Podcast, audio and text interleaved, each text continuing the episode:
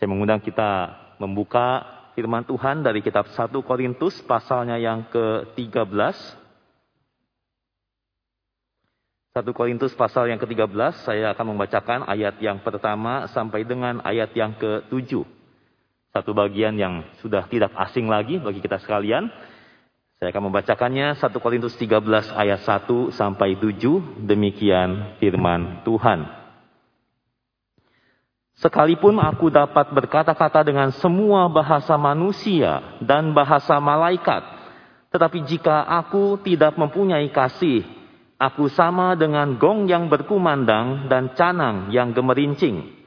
Sekalipun aku mempunyai karunia untuk bernubuat dan aku mengetahui segala rahasia dan memiliki seluruh pengetahuan, dan sekalipun aku memiliki iman yang sempurna untuk memindahkan gunung, tetapi jika aku tidak mempunyai kasih, aku sama sekali tidak berguna. Dan sekalipun aku membagi-bagikan segala sesuatu yang ada padaku, bahkan menyerahkan tubuhku untuk dibakar, tetapi jika aku tidak mempunyai kasih, sedikit pun tidak ada faedahnya bagiku. Kasih itu sabar, kasih itu murah hati, ia tidak cemburu, ia tidak memegahkan diri dan tidak sombong. Ia tidak melakukan yang tidak sopan dan tidak mencari keuntungan diri sendiri. Ia tidak pemarah dan tidak menyimpan kesalahan orang lain. Ia tidak bersuka cita karena ketidakadilan, tetapi karena kebenaran. Ia menutupi segala sesuatu, percaya segala sesuatu, mengharapkan segala sesuatu, sabar menanggung segala sesuatu. Sampai semikian pembacaan firman Tuhan pada hari ini. Saudara, kita bersyukur untuk rekan-rekan saudara seiman kita yang hari ini akan dibaptis. Dan saudara setiap kali sakramen baptisan itu dilangsungkan, kita sekali lagi menyaksikan bagaimana kasih Allah yang menyelamatkan itu ditunjukkan didemonstrasikan, melepaskan orang-orang percaya dari belenggu dosa dan masuk ke dalam komunitas gereja menjadi bagian dari tubuh Kristus. Dan setelah hari ini saya mengajak kita bersama untuk menghidupi kehidupan e, bergereja seperti Tuhan yang inginkan dan bersama-sama menyaksikan kasih Tuhan kepada dunia sekitar kita. So pertanyaannya kehidupan bergereja seperti apa yang Tuhan kehendaki? Saudara, kalau kita memperhatikan eh, perkataan Tuhan Yesus di dalam kitab Yohanes, dikatakan di sana bahwa kita yang sudah menerima kasih Kristus, kita diundang untuk hidup saling mengasihi. Yesus berkata di dalam Yohanes 13 ayat 34, 35, sama seperti aku telah mengasihi kamu, Demikian pula kamu harus saling mengasihi. Dengan demikian semua orang akan tahu bahwa kamu adalah murid-muridku. Yaitu jikalau kamu saling mengasihi. Jadi Bapak Ibu Saudara sekalian, ciri utama murid Kristus, ciri utama orang Kristen adalah kasih.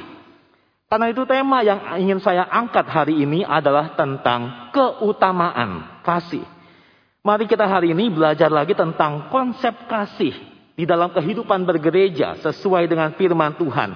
Dan saya mengundang kita merenungkan 1 Korintus pasal 13. Sebuah bagian yang memang sudah sangat terkenal tentang kasih. Seperti di ayat yang pertama sampai dengan ayat yang ketiga yang sudah kita baca tadi.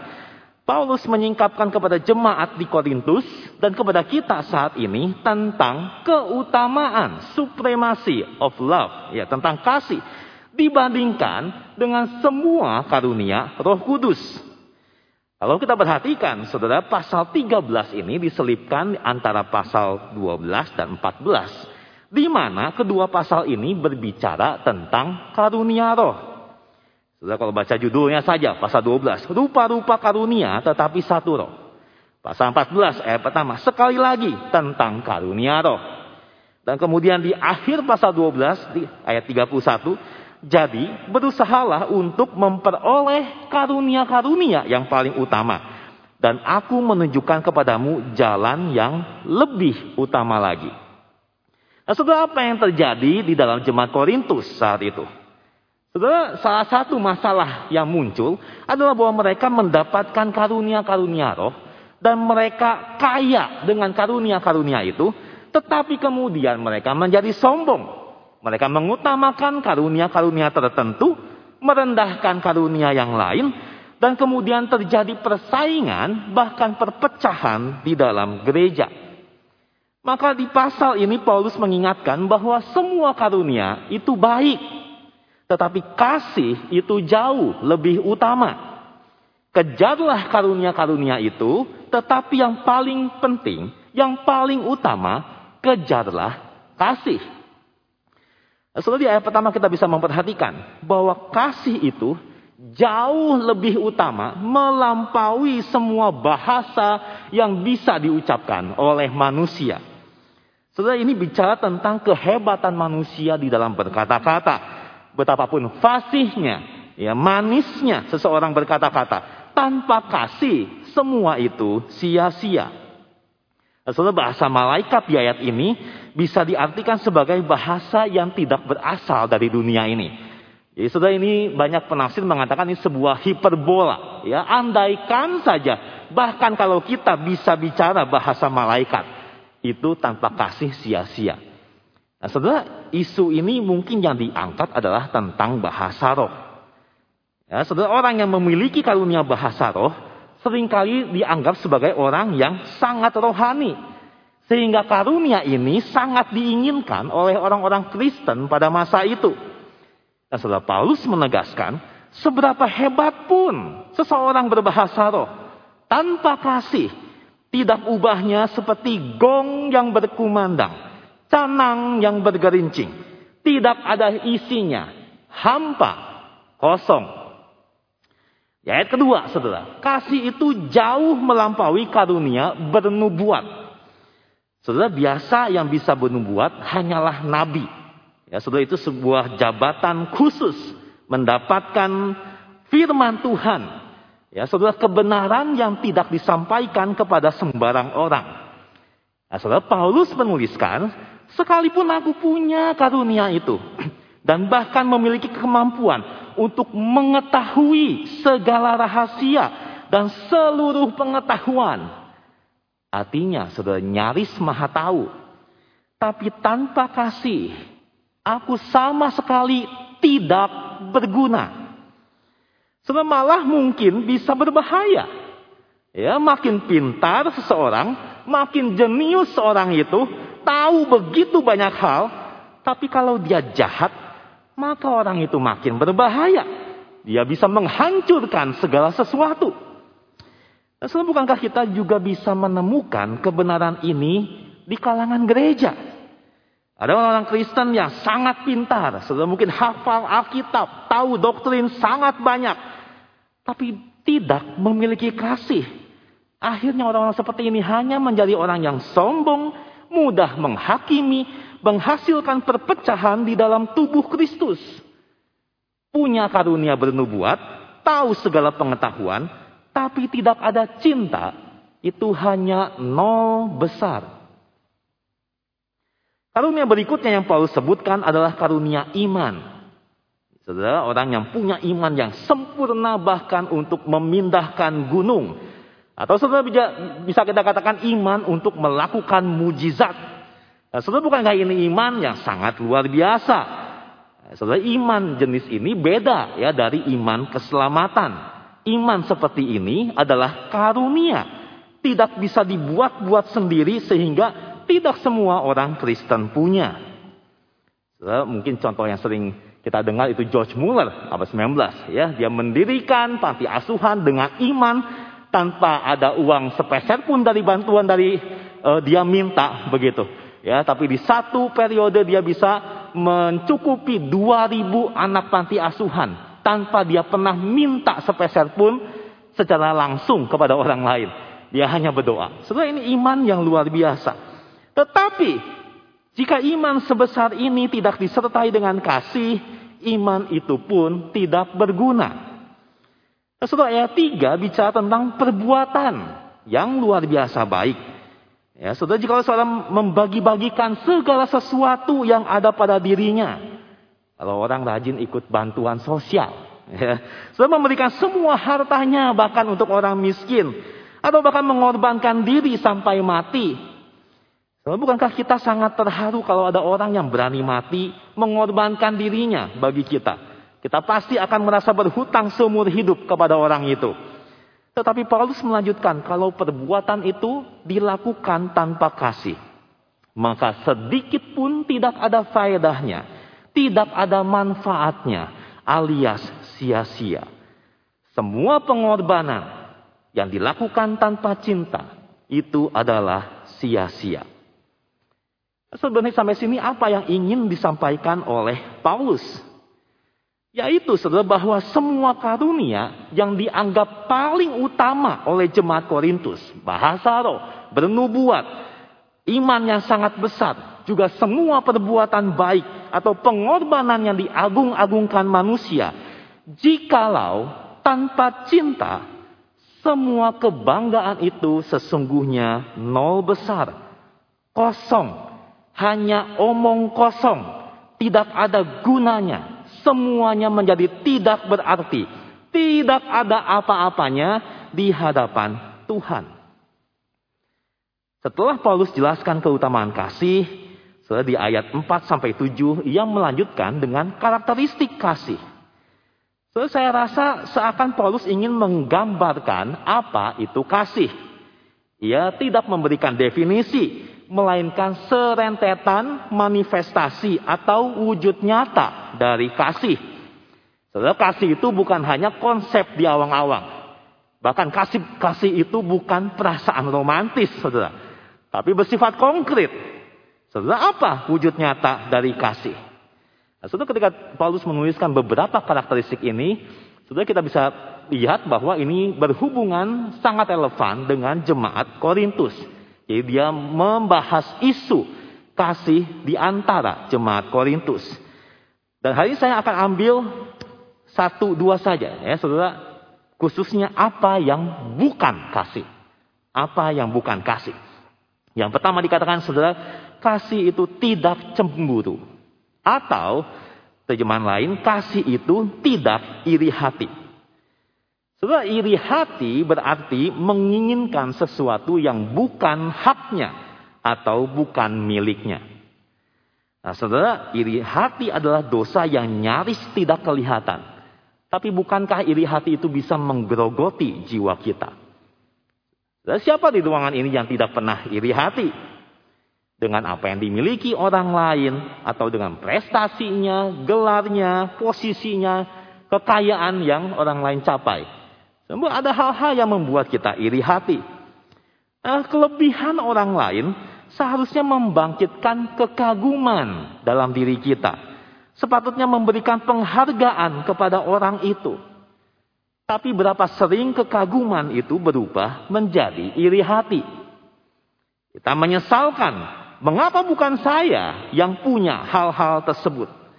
Kita mulai tidak suka dengan kelebihan orang lain kita panas hati mendengar orang lain memuji kelebihan orang itu. Saudara, itulah tanda iri hati. Dan di mana ada iri hati, di sana pasti tidak ada kasih. Dan perasaan ini ada di antara jemaat Korintus. Dan sangat mungkin hadir di gereja-gereja saat ini. Tidak terkecuali saudara dan saya. Kelebihan atas karunia rohani tertentu jabatan, posisi yang lebih tinggi, keberhasilan dalam pekerjaan, keberhasilan dalam pelayanan, sudah bisa membuat kita terkagum akan karunia Allah, bisa juga membuat kita iri hati. Nah, saudara perasaan iri hati sangat mungkin lahir dari keinginan yang berpusat pada diri. Sehingga menginginkan pujian, penghormatan yang seharusnya diberikan kepada Tuhan. Maka sudah hati-hati dengan jiwa yang haus akan pujian.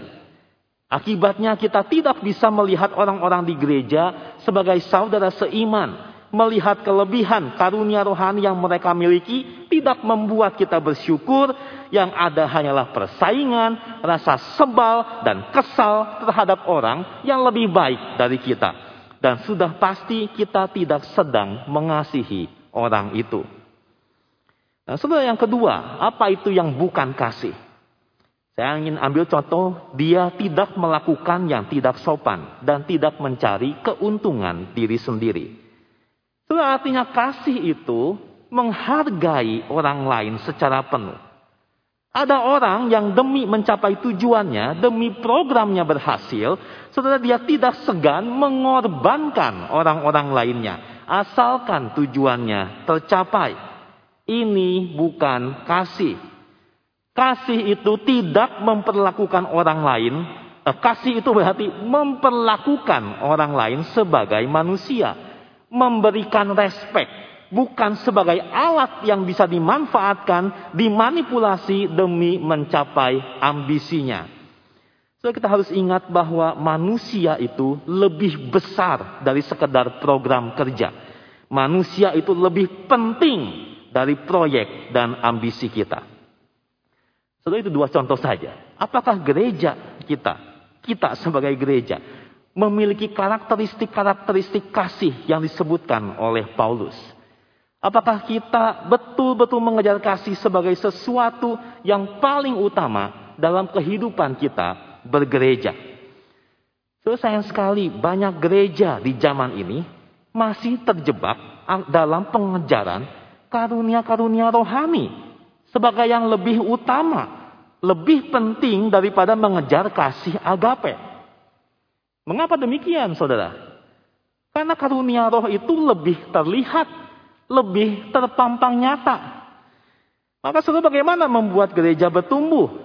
Banyak saudara gereja kemudian pikir strategi yang paling mudah ya. Mari rekrut orang-orang Kristen yang bertalenta khusus. Suaranya bagus, pimpin pujian berkarisma, jago main musik, pembicara kawakan, datangkan artis rohani sering-sering. Setelah jumlah jemaat pasti meningkat. Viewers pasti melonjak. Itu jauh lebih cepat dan jauh lebih mudah. Tapi cepat atau lambat, strategi seperti ini pasti keropos.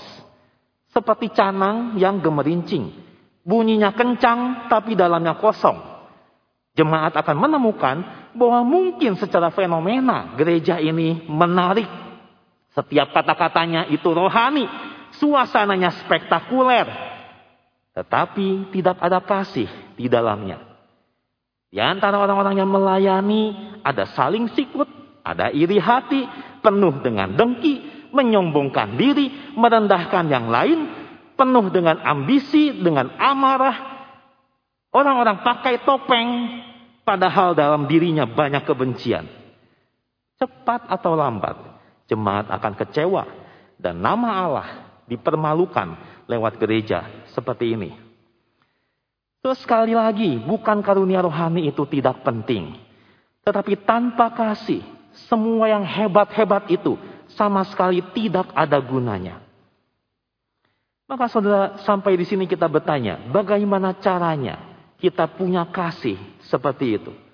Mengapa bahkan di dalam gereja kita bisa menemukan kasih itu menjadi topik yang sering dibicarakan tapi tidak banyak didapati. Lalu kita sadar bahwa dalam realitanya ketika seseorang menjadi percaya, beriman kepada Kristus, tidak lantas orang itu bisa punya kasih Tuhan secara konsisten terus-menerus. Pastor Paulus dalam kitab Galatia mengingatkan, kasih itu adalah buah roh. Bagaimana kita bisa punya buah roh? Kita harus membiarkan diri kita hidup dipimpin oleh roh. Bagaimana hidup dipimpin oleh roh? Tuhan Yesus mengingatkan di dalam Yohanes 15 ayat 5. Barang siapa tinggal di dalam aku dan aku di dalam dia, ia berbuah banyak sebab di luar aku kamu tidak dapat berbuat apa-apa. Jadi bagaimana kita bisa berbuah, menghasilkan kasih, waktu kita tinggal di dalam Kristus dan Kristus di dalam kita. Bagaimana tinggal di dalam Kristus? Sudah melalui pergaulan dengan firman-Nya. Semakin engkau dan saya akrab bergaul dengan firman Tuhan, semakin kita memelihara relasi dengan Tuhan, semakin banyak dan lebat engkau dan saya bisa berbuah. Maka waktu kita bisa menghasilkan buah roh, kita bisa punya kasih itu. Kita tahu itu karya supernatural. Tidak bisa dihasilkan dengan kekuatan dan kebaikan kita sendiri. Maka saya mengajak kita masing-masing. Mari terus bergaul dengan firman Tuhan. Secara pribadi. Saat teduh seharusnya menjadi momen kita dengan jujur. Mengakui perasaan kita. Di hadapan Tuhan. Mengakui bahwa kita ini sombong. Mengakui bahwa kita ini punya iri hati. Punya ambisi-ambisi yang tidak kudus. Akui itu dan mohon Tuhan mereorientasi hati kita. Minta tangki kasih kita diisi kembali. Sehingga kita bisa membagikan kasih. Memancarkan cinta Tuhan kepada orang lain. Nah, saudara mari terbaharui komitmen kita bersama. Untuk hidup dalam roh. Tinggal dalam Kristus. Dan kiranya Tuhan berkati komunitas kita di tempat ini. Menunjukkan saling mengasihi supaya orang luar melihat ada Kristus hadir di tengah-tengah kita. Mari kita berdoa. Tuhan, Engkau yang tahu setiap diri kami masing-masing pada hari ini. Sudah berapa lama kami menjadi orang Kristen. Kami akan mengadakan sakramen baptisan dan kami mungkin sebagian mengingat kembali pengalaman kami masing-masing waktu kami dibaptis. Nah kami mengakui betapa kasih Tuhan itu indah. Kasih Tuhan besar mengalir dalam diri kami. Tapi Tuhan ampuni jika kemudian kami tidak lagi memelihara relasi dengan Engkau. Sehingga ternyata Tuhan kami gampang sekali masuk ke dalam hal-hal yang tidak ada kasih. Kesombongan, iri hati, ambisi itu mudah sekali menguasai diri kami. Oh Tuhan tolong kami sebagai gereja Kuduskanlah kami Tuhan. Bawa kami untuk semakin menghayati, mengerti betapa dalamnya, luasnya, lebarnya cinta Tuhan bagi kami. Dan jadikanlah kami Tuhan jemaat yang saling mengasihi. Supaya kami boleh bersaksi kepada dunia luar. Siapa Kristus dalam diri kami. Terima kasih Bapak. Di dalam nama Tuhan Yesus kami berdoa. Amin.